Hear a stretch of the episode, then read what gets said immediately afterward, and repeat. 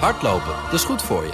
En Nationale Nederlanden helpt je daar graag bij. Bijvoorbeeld met onze digitale NN Running Coach... die antwoord geeft op al je hardloopvragen. Dus, kom ook in beweging. Onze support heb je. Kijk op nn.nl slash hardlopen.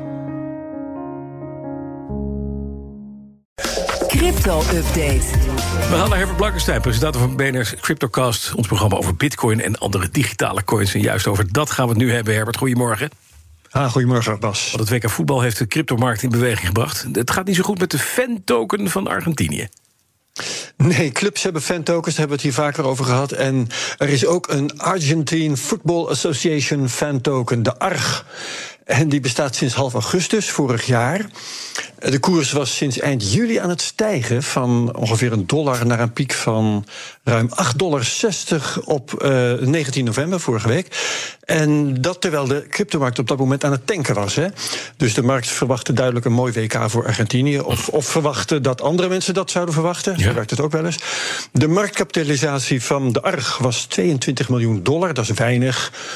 Uh, Bitcoin is ruim 300 miljard, zoals je weet. En de ARG is daarmee ongeveer de 500ste coin van de wereld. Ja, en toen verloren ze even van Saudi-Arabië met 2-1. Ja. Daar ging de koers. Precies, want, en heel snel ook, want bij aanvang van de wedstrijd was het 7,21 dollar.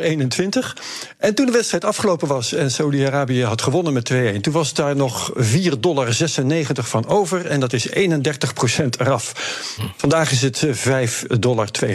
Ja. Maar ja, dit soort dingen dat kan een leuke indicator worden van het optimisme in een land. Hè. Wat doet de nationale fan-token? Ja, precies. Welke landen hebben nog meer zo'n ding? Want er zijn er meer, hè? Nou ja, ik heb zitten kijken en uh, in ieder geval Portugal, Brazilië, Spanje, Italië en Frankrijk. En nou heeft uh, Spanje gisteren ook gespeeld. Maar ja, in dat geval was de uitslag geen verrassing. 7-0 tegen Costa Rica. Dus uh, daar zie ik vooral ruis. Vandaag speelt Portugal. De token is op dit moment 5 dollar ongeveer. En dat is de 600ste uh, op de ranglijst van de wereld. Met een marktkapitalisatie van 19 miljoen dollar. Ja, en dan gaan we naar dat waanzinnige plan van de president van El Salvador. die een Bitcoin-stad wil gaan bouwen. Uh, hij maakt ernst ja. met het plan van Bitcoin-obligaties om die stad te kunnen realiseren. Ja, dat wel. Er is een uh, wetsontwerp nu ingediend in het parlement daar in El Salvador. Uh, om die bitcoin-leningen dan mogelijk te gaan maken. De helft van zo'n lening wordt geïnvesteerd in bitcoin. De andere helft wordt besteed aan de infrastructuur voor wat dan die stad moet worden. En daar denkt president Bukele een miljard dollar mee op te halen. Nou, ik moet het nog zien. Uh -huh. Bovendien, voor een half miljard uh, bouw je geen stad. Misschien één wolkenkrabber. Dus als je mij vraagt, blijft dat een tot mislukken gedoemd plan. Ja, ik denk dat we de centen terugvinden in al die tassen in zijn woning over een tijdje.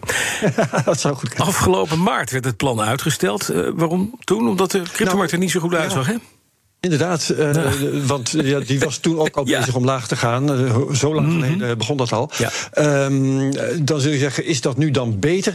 Nou ja, nee. uh, in zekere zin wel. Want wie toen had geïnvesteerd, zou nu tientallen procenten in de min staan. En nu is de bitcoin-koers veel lager. Sommige mensen zeggen, hij kan alleen maar omhoog.